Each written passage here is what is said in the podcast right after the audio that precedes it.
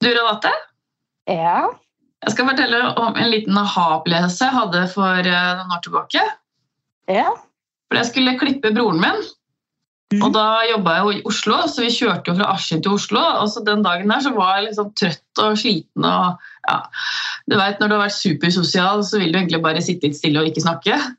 Da hadde Ja. vi den bilturen inn til Oslo, og så kom vi i salongen, da. Og han setter seg ned, og jeg skal, skal klippe den, og så blir det sånn Ja! Hvordan vil du ha det? Hva skal vi gjøre? Og det liksom gikk fra å være én person til en helt annen person. Og da var jeg sånn, Oi, shit, hva skjedde her, liksom? Hvor trygg man er i den rollen når man står bak stolen. Ja, sant. Ja, det var skikkelig spent. Jeg bare, Hva skjedde nå? En positiv opplevelse, da. Ja, ja, absolutt. Det var bare, Jeg har ikke tenkt på det sånn, liksom. At man er så trygg av å stå bak den stolen. Nei. Mm. Men, men det er jo bra at vi er det, på en måte. Ja, ja, absolutt. Det er jo det. Det er jo sånn det skal være. Ja, det er sånn det Det var liksom bare en sånn switching fra det ene til det andre. Ja, Mm.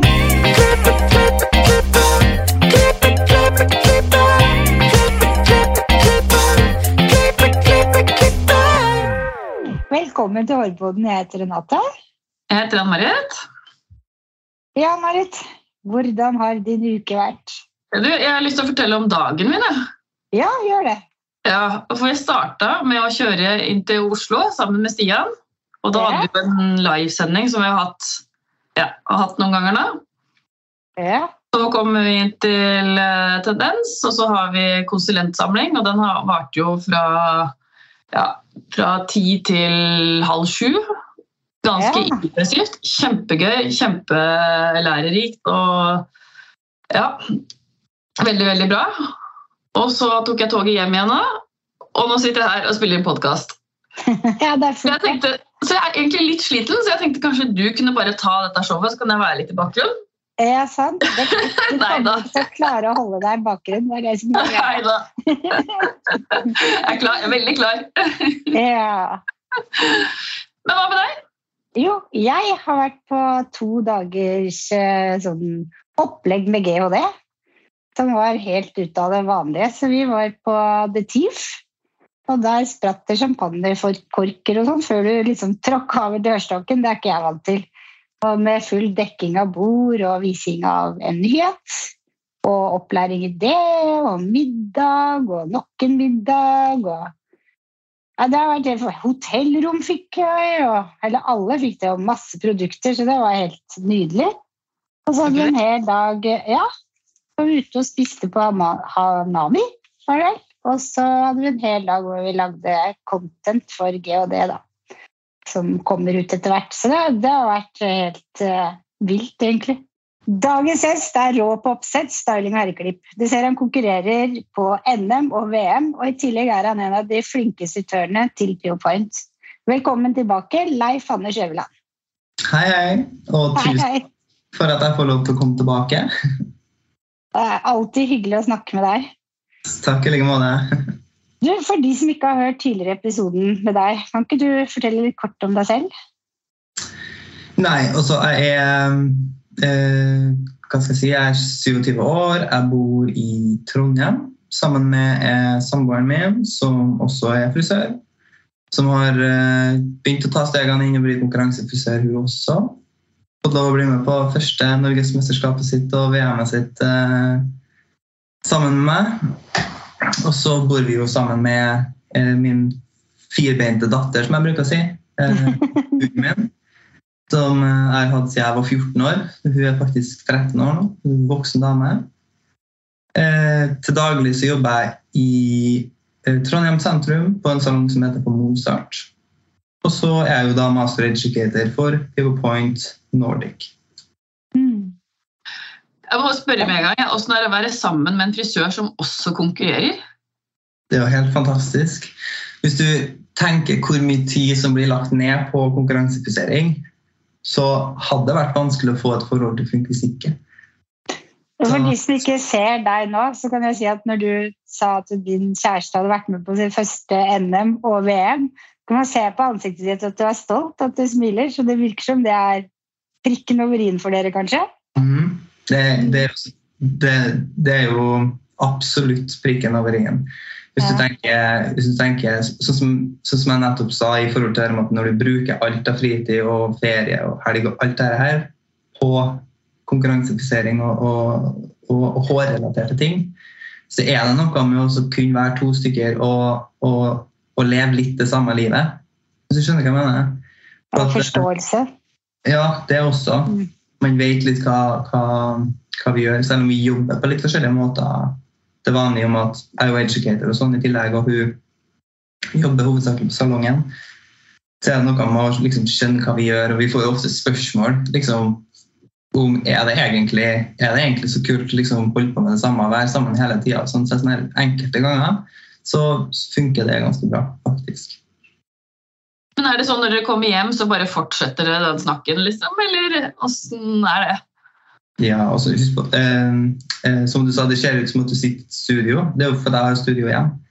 Og så har, jeg, har vi jo treningsområder på stua og satt opp speil og stasjoner og alt sammen, så vi, vi er klare når vi kommer hjem fra jobb til å fortsette. Ja, for det står et stativ bak deg, ser jeg. Hva sa du? Det står et stativ bak deg nå. Mhm. Med, ja, Jeg vet ikke hva du ser fra skjermen, her nå, men du har den der. ja, hvor er den. Så det er jo en frisyre jeg kan vise fram, for at den er jo ny. sånn sett. Og ja, så det er ikke det du For du skal være med på NM som kommer? Ja, men det der blir ikke NM-frisyre. Den skal scrappes. Vi skal starte fra scratch. Ja, er du i gang med å forberede årets NM? Mm. Det er. Vi har jo satt i gang kanskje litt, litt senere enn det vi eh, bruker, men det har vært sjukt travelt med alt annet. Og så er jeg litt sånn at jeg må liksom få ting av gode for å, eh, for gi plass til å faktisk få til å fokusere på det jeg skal. Så, men vi er i gang. Vi skal jo Vi må jo på en måte prøve å kvalifisere oss på nytt igjen for VM. Så. Men det må være litt, nå vet jeg ikke hvor lenge siden det her er, men NM var jo alltid i starten av februar før. Eller var det slutten av februar? For alt er forskyvet i en måned. Er ikke det litt deilig? Ja, det har jo vært. Nå husker jeg ikke akkurat nøyaktig når det har vært hele tida, men, eh, men eh, eh, nå var det jo 25. mars. Mm. Så at vi får litt bedre tid hvis det har vært veldig travelt, det hadde jo bare vært en fordel. Hvis ikke så hadde det blitt enda mindre. Hvor mange timer per dag trener du? Eh, Sånn, var, sånn i hodet og fysisk. eh, ja, det varierer litt fra periode til periode. da, sånn som Ja. nå øh, Nå har jeg en periode jeg prøver å få unna andre ting. Og så, hvis jeg har et kurs, så må man jo planlegge, og det krever ganske mye forarbeid, det også. Men sånn til vanlig så er det jo kanskje jeg vil si gjennomsnittet på vanlige hverdager kanskje et, to til tre timer.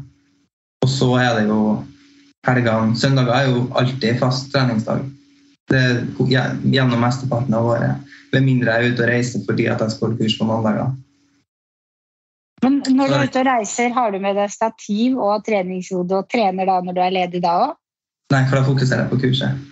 Ja. Bra. Jeg vil jo gi fra meg så gode kurs jeg får til, så jeg må jo, må jo holde gående. Eh, Hvordan kommer du på ideer til eh, frisyrer? Det altså eh, Hva skal jeg si Inspirasjon kan jo komme fra hva som helst.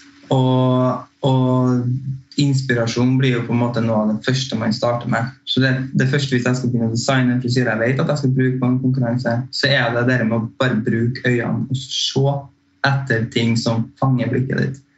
Linjer og former og alt sammen som fanger blikket ditt, som gjør, uh, inspirerer deg, og som uh, gjør det enkelt. Uh, eh, enkelt å like, og, og så handler det litt om å må det la seg bli inspirert uten å lete etter spesifikke ting. Det ene med det, Hvis man leter etter noe spesifikt, så finner man det aldri. Men hvis man lar inspirasjonen komme til deg og analysere det du ser i stedet, så ender du opp med mer inspirasjon som du faktisk kan bruke senere. Så det er det første vi gjør. liksom Inspirasjon, inspirasjon, inspirasjon. Form, tekstur og farge og, og, og eh, de der tingene. Og så begynner man å gå videre over til å begynne å planlegge og tenke etterpå. Da har man jo et stort moodboard eller en bank med inspirasjon som man kan begynne å sette sammen. Så Hvis man står der og man gjør ting i fire faser, man starter med å se inn inspirasjon, og så begynner man å tenke og planlegge, bruke den inspirasjonen man har, sette sammen noen ting på en konseptuell måte i, i, i, forhold til form, tekstur og farge og alt det her. Uh, og så går man liksom videre derfra. da.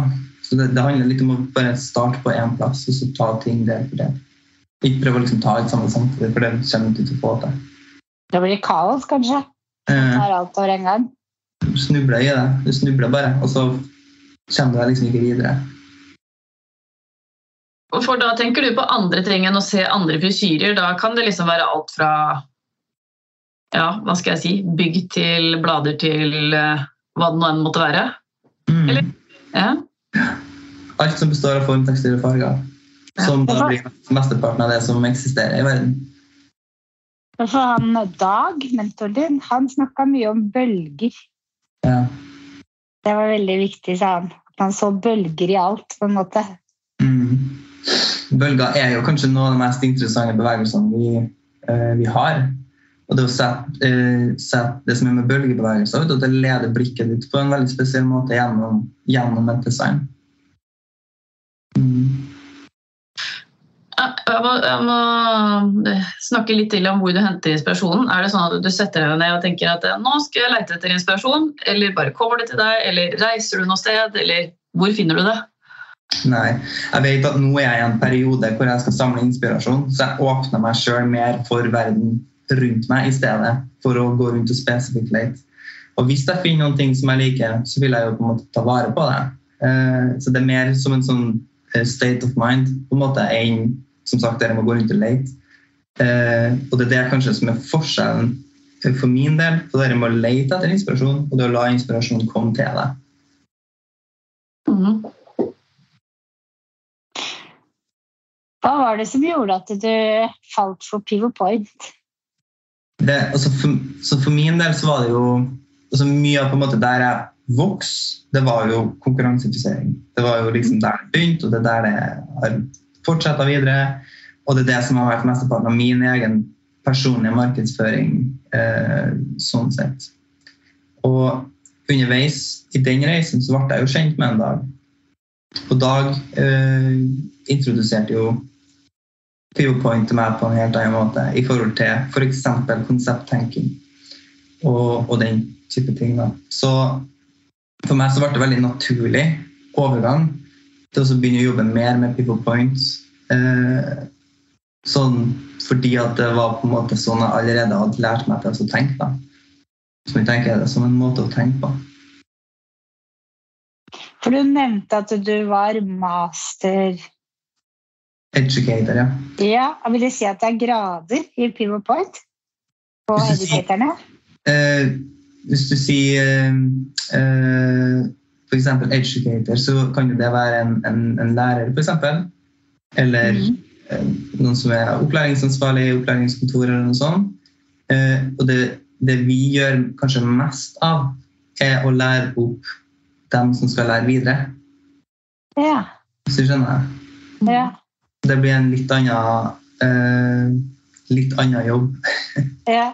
Så du lærer opp de som tar Pivot Point instruktørkurset? Altså ja. de stegene? Ja.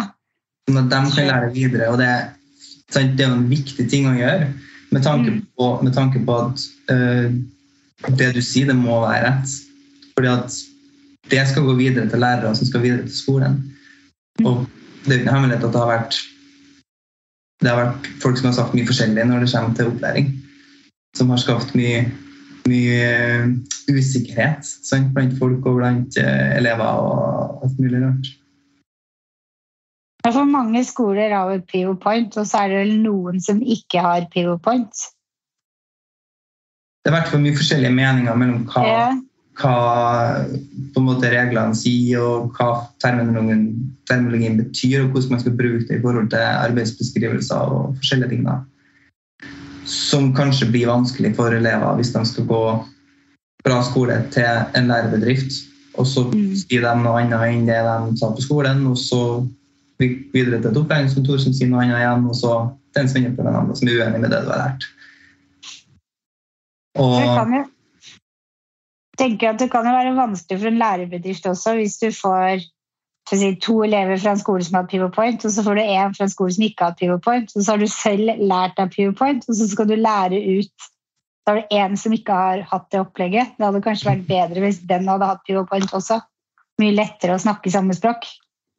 ja, man må jo snakke samme språk hvis folk skal kunne gå videre fra ett ledd til det neste. sant? Mm. Eh, og så er det jo sånn at de fleste bruker jo hel form, økende lengde, gradering, overdirigering på bas og terminologien fra pivot point, som er der det kommer fra.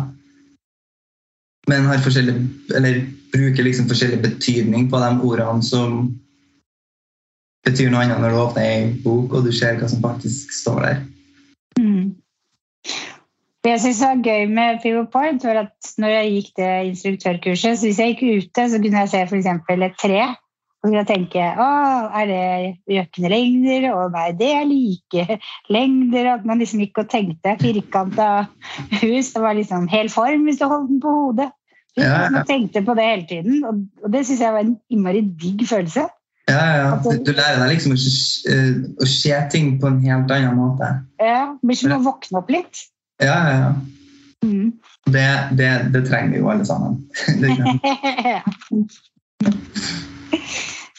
Det. Hva har det gitt deg å, bli en, eh, å jobbe for Pivot Point? Hva det har gitt meg? Mm. Mm, jeg vil si For det første så har det gitt meg en, en, eh, en litt mer variert hverdag, som er en ting jeg setter veldig pris på. Fordi at jeg er ikke en person som kan stå i det samme på den samme plassen hele tida og trives. Det, det går liksom ikke an. Uh, så det er på en måte en av de tingene. Jeg hadde jo allerede mye som skjedde med konkurransene og, og, og det her. Men samtidig så er det sånn at når jeg skulle begynne i Pivot så ble det jo mye, uh, ble det mye opplæring på nytt igjen. Jeg måtte ned på skolebenken, jeg også.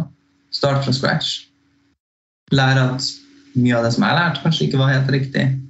Og, og uh, liksom i, I tillegg til det dyp, enda dypere. fordi at får jeg noen spørsmål, så skal jeg kunne svare på det. Og samtidig så ble det litt sånn at eh, Først ble det litt sånn press sant, om at jeg må vite alt sammen. Men så ble det superinteressant. For når, når du begynte å skjønne ordentlig, så så du virkelig de røde trådene eh, gjennom hele systemet. Og hvordan alt sammen bare fungerer sammen på en, på en veldig spesiell måte. som jeg, Det skal mye til, tror jeg, å skal liksom toppe det systemet i forhold til hvor bra ting fungerer sammen. Da.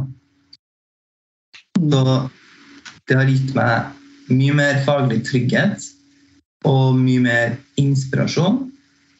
Eh, I tillegg til at det har gitt meg en mye mer variert hverdag, hvor jeg har muligheten til å møte eh, folk. Det gjør jeg jo på salongen også, men jeg møter frisører. Altså folk i samme fag som meg. Folk som lever litt det samme livet. Ja, jeg har også gått det instruktørkurset. Det var digitalt under koronaen, og du var jo oh, ja. på oppsettdelen der. Det var et kjempebra opplegg, og jeg fikk masse ha-opplevelser, jeg også. Så da, ja, veldig, veldig bra. ja, altså det var artig å gjøre de digitale kursene. Klart at det ble en utfordring og på en måte en ting vi ikke var vant til å gjøre. og sånn, Men det, sånn alt i alt så funker det greit. Vi fikk noe mye bra tilbakemeldinger. sånn i hvert fall. Så det var artig å se hvor, hvor eh, engasjert folk var på å gi det en sjanse. da. For det måtte jo på en måte vi òg gjøre. Alle sammen ble jo bare hevet i det. sant? Ja, når det er sagt, så liker jeg best å treffes live. Sånn, Ja. egentlig. Men det fungerte veldig bra til omstendighetene. Mm. Ja. liksom, Man må jo på en måte gjøre det bare beste ut av det. Altså, eh, har jeg kunnet hatt et kurs der jeg helst ville ha holdt folk i hendene og liksom visst dem hvordan de bruker hendene og gjør de forskjellige tingene. og sånn, Men uh, det var på en måte the next best eh, thing. da. Det var enten det eller bare sitte ro og råtne. og jeg seg. ja, sant. Har du en morsom historie fra din tid som konkurranseregissør som du kan dele med oss? Nå husker ikke jeg om eh, eh, jeg fikk det spørsmålet sist, skulle jeg si. Og om jeg i så fall deler den samme historien.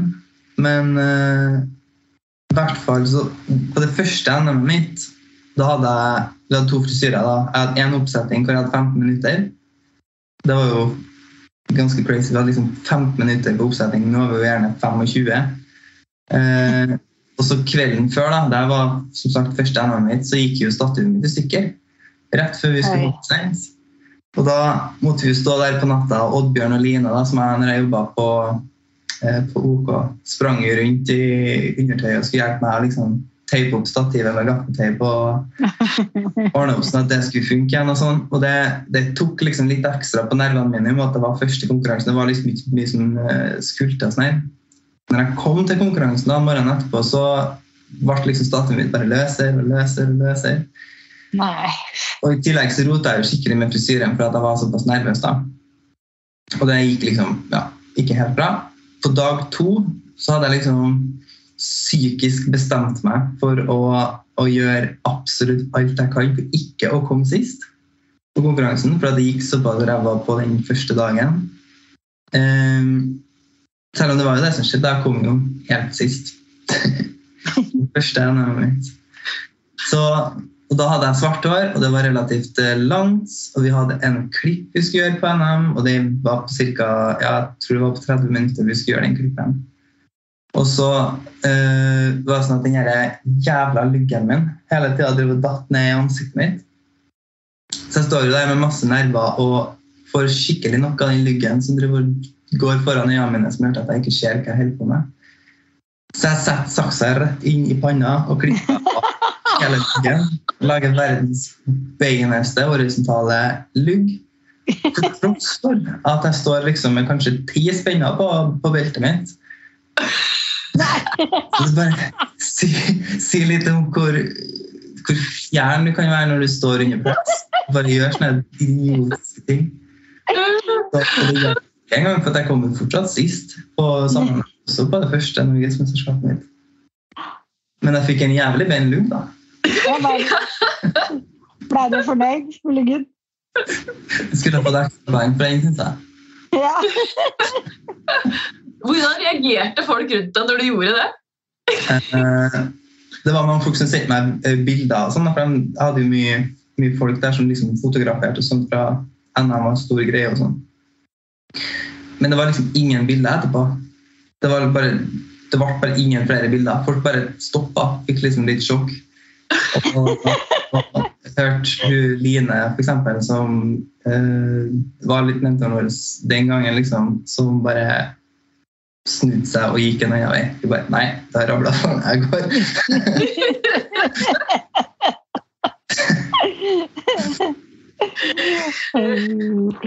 Herlig.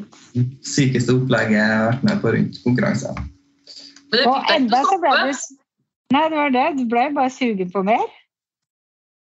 Og så eh, nå er det sånn at den første, Etter det første norgesmesterskapet mitt, så var jeg med på julecupen igjen i Trondheim etterpå. Og der fikk jeg eh, sølv sammenlagt. Så da tenkte jeg at jeg gir NM en sjanse til.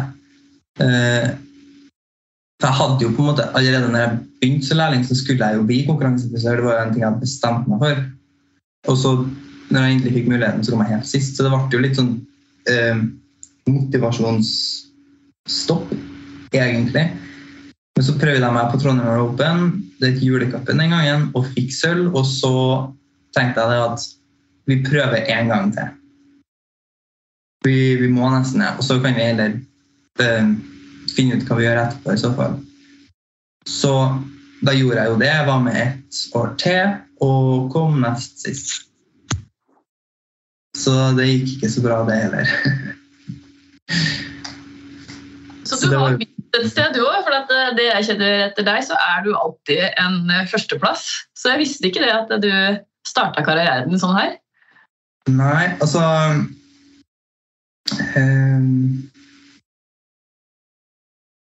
det, som, det som var, da, det var at etter, etter NM nummer, nummer to så eh, var jeg med på julecupen en gang til. Og da øh, øh, Nå jeg akkurat plassering. Jeg har liksom lagt, lagt julecupen på, på, på hylla. Men når jeg var med den tredje gangen på NM, så var jeg liksom da skulle jeg gjøre research. Da skulle jeg finne ut hva det er for produkter, hvordan er det de får de fargene til å ikke smitte, og hvordan de får håret til å bli sånn som det blir. Jeg skjønte jo ingenting. Så jeg hadde jo egentlig um, noe, noe peiling. Pluss at konkurransefrisører holder jo ting hemmelig. Du skal jo vite noe, for å jo over produktene. Og, og, du skjønner jo ingenting. Sprayer masse hårspray, og så blir det knallstivt med en gang. Du skjønner ingenting. Så jeg prøvde å gjøre masse research, gjøre alt jeg kunne for å liksom jobbe med det. Det tredje NM-et mitt så kom jeg femteplass. Så det gikk jo på en måte litt oppover, da. Eh, jeg begynte å liksom uh, snipe opp ting som jeg så at de andre gjorde og sånn. Men det var liksom aldri helt nok, egentlig. Så det var en struggle på eh, tre år, altså tre norgesmesterskap. Men eh, så skjedde jo noe fantastisk ut av det blå. Eh, det var jo da Dag eh, eh, tok tak i meg og liksom Du skal bli med oss. Det var da han introduserte meg for eh, konsepttenking på en helt ny måte.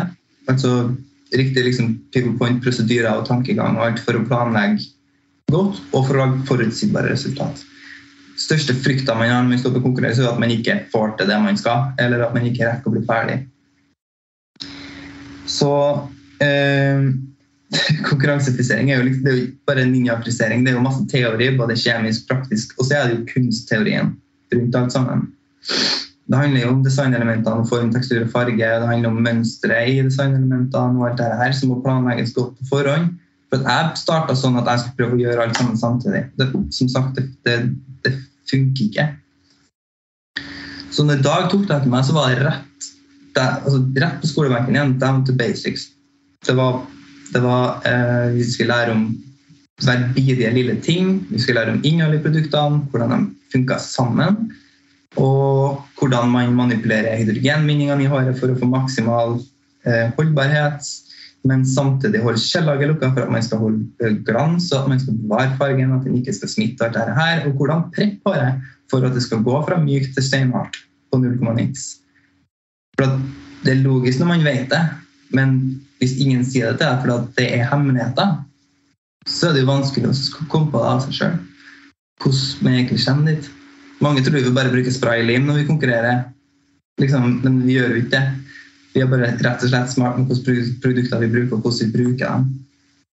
I tillegg så lager vi jo mye eget utstyr eh, i forhold til planlegging og sånn. Eh, vi får mye forskjellige småting bestilt fra forskjellige plasser i verden for å ha nøyaktig det vi trenger. Både kammer, og klyper, hårnåler, og fønere osv. Så, videre. så eh, sammen med alt dette her og Dag som leder veien, så har jeg jo vunnet NM hvert år etterpå det er jo på grunn av han. så nå Det, her, så det er jo fire NM i um, Det var jo korona, da var det ikke noe NM, som jeg, jeg var med på, for jeg var jo kun med på de praktiske NM-ene. Uh, og med det så har jeg jo nå uh, fire gull sammenlagt igjen. For at jeg som sagt vunnet sammenlagt. Uh, til sammen ti gull, to sølv i NM. Ingen bronse. Hoppa liksom over den. Men jeg har tre bronse i VM og én sølv. Uh, så ellers en rekke som pokaler fra lokale konkurranser. og sånn, Men det er rett og slett det er rett og slett Dag som gjorde denne knekken på meg. Jeg hadde innsatsen og motivasjonen fordi at jeg hele tida leita det fram i meg sjøl, men jeg hadde aldri klart det hvis jeg ikke hadde vært på en dag. Som pusha meg og lærte meg rett og slett hvordan jeg skal tenke. Så det hadde ikke gått uten den. Det er imponerende hvor mye du har eh, fått til og hvor mye medaljer du har tatt. Men da er det rett og slett en mentor som skal til for å liksom lykkes i konkurransemiljøet. Hvis ikke så har du egentlig ikke kjangs. Det, det, ja, som sagt, mye hemmeligheter. sant? du, det, du får ingen plass du kan hente, eh, hente de svarene du lurer på. Hvorfor, hvorfor, hvorfor, hvorfor? Det er jo liksom rota til alt. Hvis du vet hvorfor, så vet du jo hvordan du kan gjøre noe annet for, av en annen grunn igjen. Så du får jo planlegge på en helt annen måte. Så for min del så var det jo det. Han for at han ikke, ikke bare for at han satt med en del kunnskap, men fordi han faktisk var villig til å gi det fra seg. Det er ikke mange som er. Så det er jo derfor også at jeg i Pivot Point er litt opptatt av å gi det her fra meg. For jeg ser at konkurransemiljøet i Norge har gått ned. Jeg vet også at Norge ikke brukte å gjøre det noe bra på VM før. For selv om de samarbeida, så ble de hemmeligheter seg imellom. Og hvis man skal vinne VM og komme på topp, så er man nødt til å være villig til å gi ting fra seg. Hvis man, hvis man har lyst til å få opp et konkurransemiljø, så er man også nødt til å være villig til å gi fra seg ting. Hva tenker du skal til for å rekruttere flere inn i det konkurransemiljøet? At flere skal ha lyst til å konkurrere? For du sier jo det har gått ned. Mm. Så eh, mye av det som jeg liksom har eh, tenkt mye på, og som jeg eh, også har gjort en del, da har jeg rett og slett vært å holde kurs. Bare få ut så mye man får til på kortest mulig tid, sånn at folk har en plass å starte. Og så er det eh, hvordan mentaliteten din og hvordan du skal tenke rundt det. Er det sånn at det Dag har lært deg, det der å sharing is, sharing is caring, liksom, at du føler at det er din mission nå? At du gir tilbake til mentoren din med å fortsette å dele kunnskapen videre for å få opp interessen? På en måte, på en måte så føler jeg jo at det er en viktig ting å gjøre, fordi han har jobba hardt for det. Da blir det jo surt hvis han ikke en dag har muligheten til å gjøre det, og så stopper det opp. Når han har gjort en så stor jobb som han har gjort. Så absolutt. Men samtidig så er det også fordi at jeg ser hvor mye man får ut av det å konkurrere. Um, sånn at, at uh, i og med at jeg struggla så hardt for å komme i gang ordentlig og starte, så ser jeg jo så ser jeg jo selvfølgelig verdien av å faktisk kunne gi fra seg på den måten som jeg gjør når det kommer til både, ikke bare rekruttering, men også for at folk skal ha lyst til å, å, å prøve igjen og igjen og igjen. At de ser verdien av treninga rundt det. Rett og slett hvordan du bygger deg oppover. Det er derfor også jeg, jeg bruker ofte å si det til folk. for Det er kanskje ikke en ting folk er liksom stolt av å prate om, men jeg kom sist på det første norgesmesterskapet mitt. Jeg kom nest sist på året etterpå. og sånn. Så det er ikke sånn at man starter på toppen og kan sikte etter noen gjør, og det også noen noen får det jo til. Men sannheten er jo at, at uh, uh, man må på en måte jobbe seg oppover uansett. Men man er nødt til å skjønne hva man får ut av det for å ha lyst til å fortsette. Jeg tenker at det er mer inspirerende å høre jeg tenker at det er mer inspirerende å høre at det ikke gikk bra første gangen. For hvis du hadde vært sånn rockstar fra første stund, og du kommer inn som fersking som meg, da, og kanskje havner bakerst, så kunne det liksom tatt brodden ut av motivasjonen. Men man ser at man kan jobbe seg opp og bli bra. Det tenker jeg er inspirerende. Mm. Enig. Det er veldig inspirerende. Ja. Ja, jeg, også, jeg konkurrerte jo i sju år, og det var liksom først de to siste åra som jeg faktisk liksom fikk en pallplass. Og jeg husker at de dommerne, for da hadde jo blitt godt kjent med alle der, sa, sa til meg liksom, ja, ok, nå endelig har hun skjønt det. Så jeg også brukte veldig lang tid, men da fikk jeg liksom litt eh, selvfølgelig i Studialf, men også liksom rundt i konkurransemiljøet, at jeg fikk sånn tips her og der. Og til slutt så ja. Jeg føler at jeg brukte fryktelig lang tid på å komme dit jeg kom mm. ut. da. Men mange mennesker kommer jo ikke dit engang. så Nei, men så er det jo så er det kanskje litt sånn med folk at, uh, at uh, Folk vil kanskje ha det litt mer lettvint. Men da tenker jeg at for dem som gidder å gjøre det ekstra, da, så ligger det jo større priser. Sant. Det var bra sagt. Men hvis det er noen lyttere der ute nå som tenkte at å, jeg skulle gjerne konkurrert og lært av deg, er det mulig? Mm. Jeg har jo kurs både eh, i oppsetting, og jeg har også bestemt meg for å ta imot skreddersydde kurs hvis folk har lyst på det. Og det har det tydeligvis vært ganske mye etterspørsel om. For jeg har jo hatt de kursene som jeg har annonsert. Eh, og så fikk jeg liksom så mye spørsmål eh, om du, eh, du ikke kunnet eh, komme dit og gjort det, eller du ikke kunnet komme dit og gjort det. Og kanskje jeg tenkte at jeg må nesten bare begynne med det. Rett og slett la folk si hva vil jeg lære, hva vil du ha kurs i, og så kan jeg komme og gjøre det beste jeg kan for å treffe de behovene som de spør om. Um, så absolutt. Da, om det er konkurransekurs eller om det er noe sånt spesifikt man har lyst til å, å, å trenge hjelp til. Absolutt. Det er Det er, det er bare å ta kontakt med meg direkte eh, hvis det er sånne ting. For da eh, er det enklere hvis det går gjennom meg, så kan jeg svare på dem eh, om det går eller ikke. hvis du skjønner. Men hvis folk har lyst til å melde seg på de kursene som jeg har utenom det, de som er i kurskatalogen, og sånn, så er det jo bare å sende melding til, eller mail til ja, enten meg eller til Eva i, på kontoret. Så bra. Ja, det er helt fantastisk. Du, Vi har noen faste spørsmål til deg også. vi. Mm. Har du noen tips til frisører som vil opp og fram? Ja, altså da er det jo frisører som vil fram. Da er det jo litt kanskje det som jeg snakka om i stad, der må ikke, ikke avslutte eller ikke gi opp bare for at det ikke gikk sånn som du tenkte med en gang. Um, og rett og slett bare fortsette å prøve. Altså, uansett hvor høyt man har lyst til å nå, uansett hvor høyt noen har nådd, så har folk vært gjennom ganske mye på den turen opp, opp dit, dem også. Så tenk på alt som skjer som ikke skulle ha skjedd, som en utfordring. Og hvis du klarer den, så hopper du to leveler opp av deg sjøl.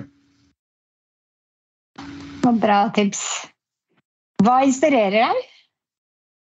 Det som inspirerer meg mest, er egentlig andre mennesker.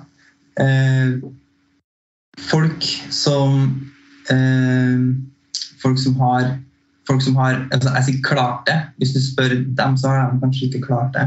Men folk som har gjort de tingene jeg har lyst å få til, det er den største motivasjonen og inspirasjonen min. For det er et bevis på at det faktisk er mulig. Og så lenge det er mulig, så er det noe å slåss for hvis det er noe man i hvert fall, eller virkelig har lyst på. Hva er dine mål? Hovedsakelig så er det første, første faste målet mitt nå, det er å vinne VM. Det, er, det blir det jeg blir å jobbe mest mål, målretta mot framover. Og når du vinner, vinner VM, slutter du da? Eller hvordan tenker du da? Nei, godt spørsmål. Jeg tar en ting om gangen. Ja. Men jeg har jo fortsatt også lyst til å, å, å, å jobbe mer med, med kurs og opplæring og sånn. For jeg føler liksom at det gir meg noe tilbake. Og jeg syns det er artig å, å møte folk, jeg syns det er artig å hjelpe folk. Og, og rett og slett se at folk blomstrer. Så gå mer inn i det. Men jeg føler kanskje at hvis noen hadde vunnet VM først, så øh, blir du kanskje en stemme som folk faktisk hører på. Så da blir du mentor for det norske landslaget etter det, da. Kanskje det? Det hadde vært kult. ja. Det er kjempekult. Nei, men altså eh, Det tar jo mye tid, sant?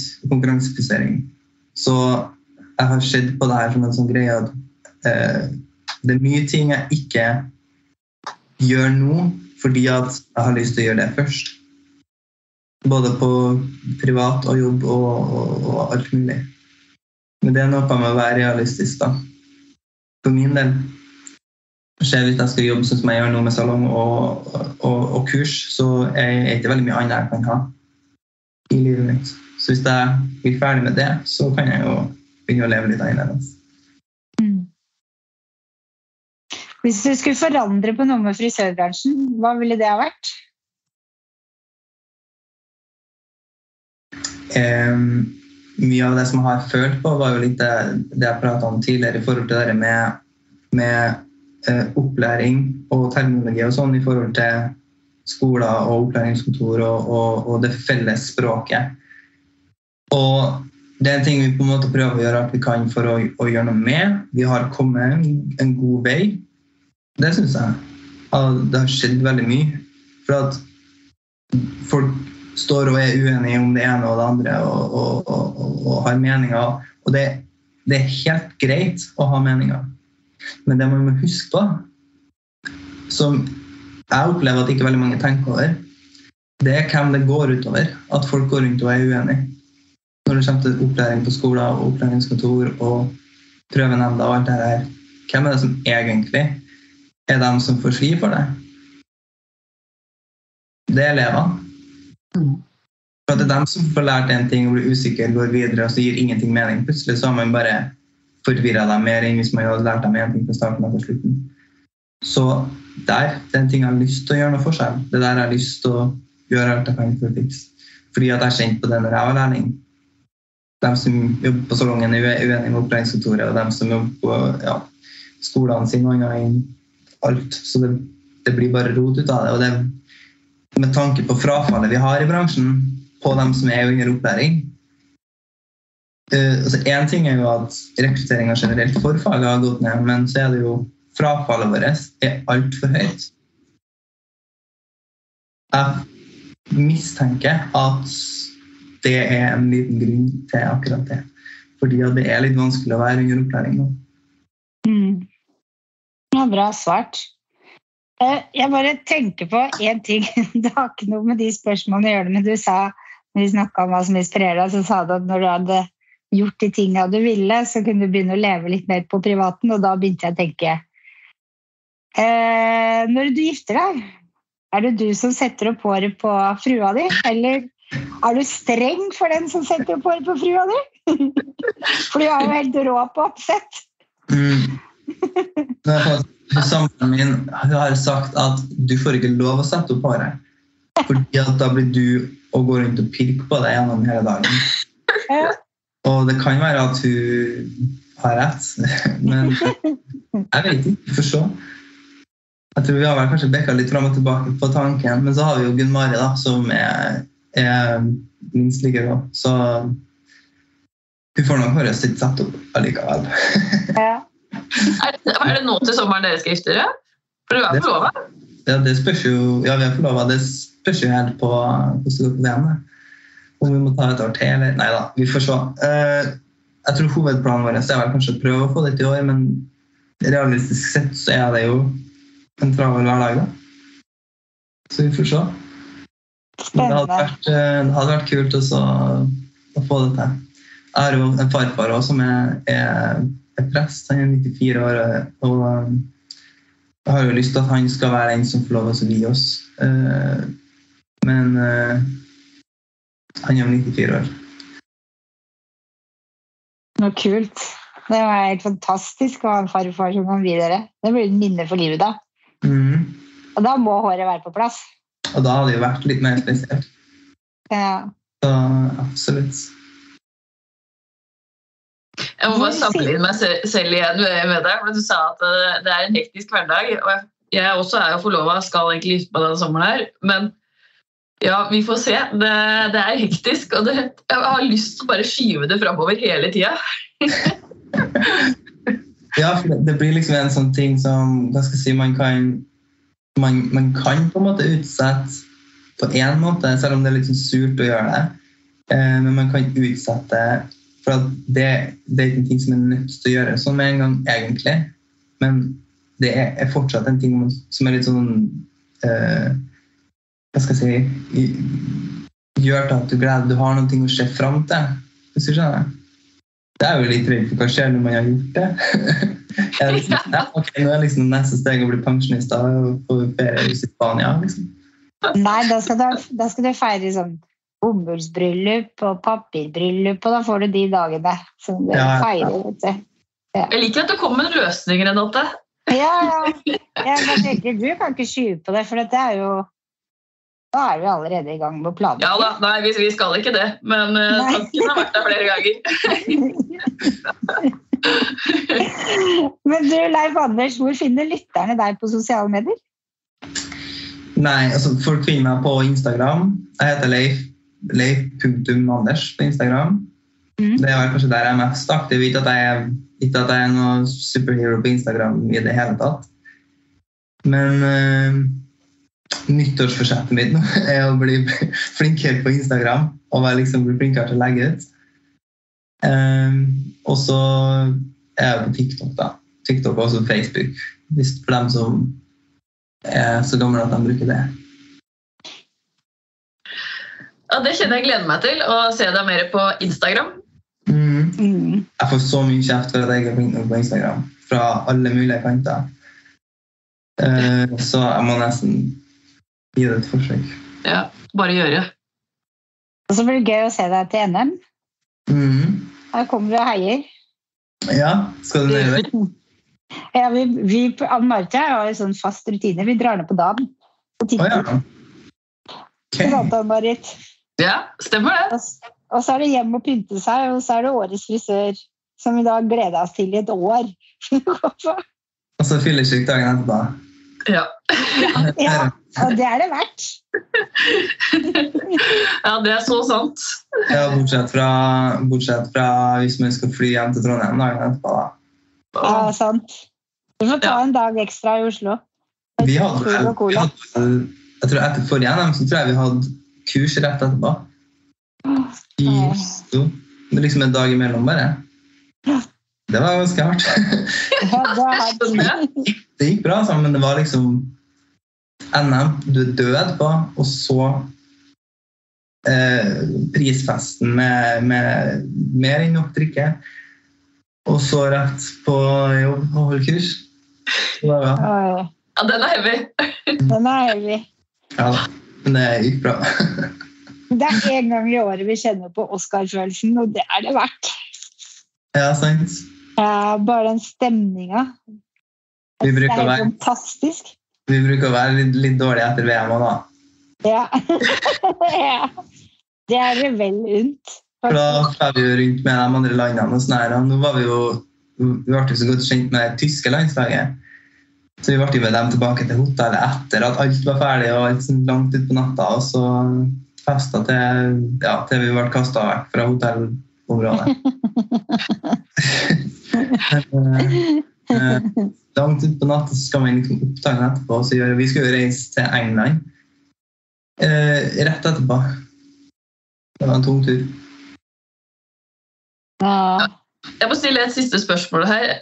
Kommer vi til å se deg på Årets frisør, altså konkurrere i Årets frisør noen gang? Eller pleier du det? Foto med det. Ja. Ja, vi får se når jeg er ferdig med VM. Spennende. Skal aldri si aldri. Men øh, det er noe med å ta den tingen først. For at hvis jeg skal nå det målet der, så er jeg nødt til å legge all in først. Og så kan jeg gjøre andre ting etterpå. Mm. Så du skal ikke se bort ifra det hvis jeg får til, får til det jeg skal på VM. Spennende. Spennende å følge med på deg. Ja, det blir det. Jeg har tenkt mye på det, og, og jeg vet at det er mye stas rundt og sånn. Så jeg har i hvert fall nok ideer. Jeg har nok ideer i hvert fall lagra eh, til når jeg får mulighet. Tusen, tusen takk for at du ble med på Hårpodden igjen, Leif Anders. Tusen takk for at eh, dere ville ha meg. Det har vært kjempeinspirerende, altså. Veldig. Og gi oss gjerne stjerner på iTunes, og følg oss på Instagram, Facebook og TikTok, Ann-Marit. Mhm. Det er viktig å få med seg. Vi høres neste uke. Ha det bra!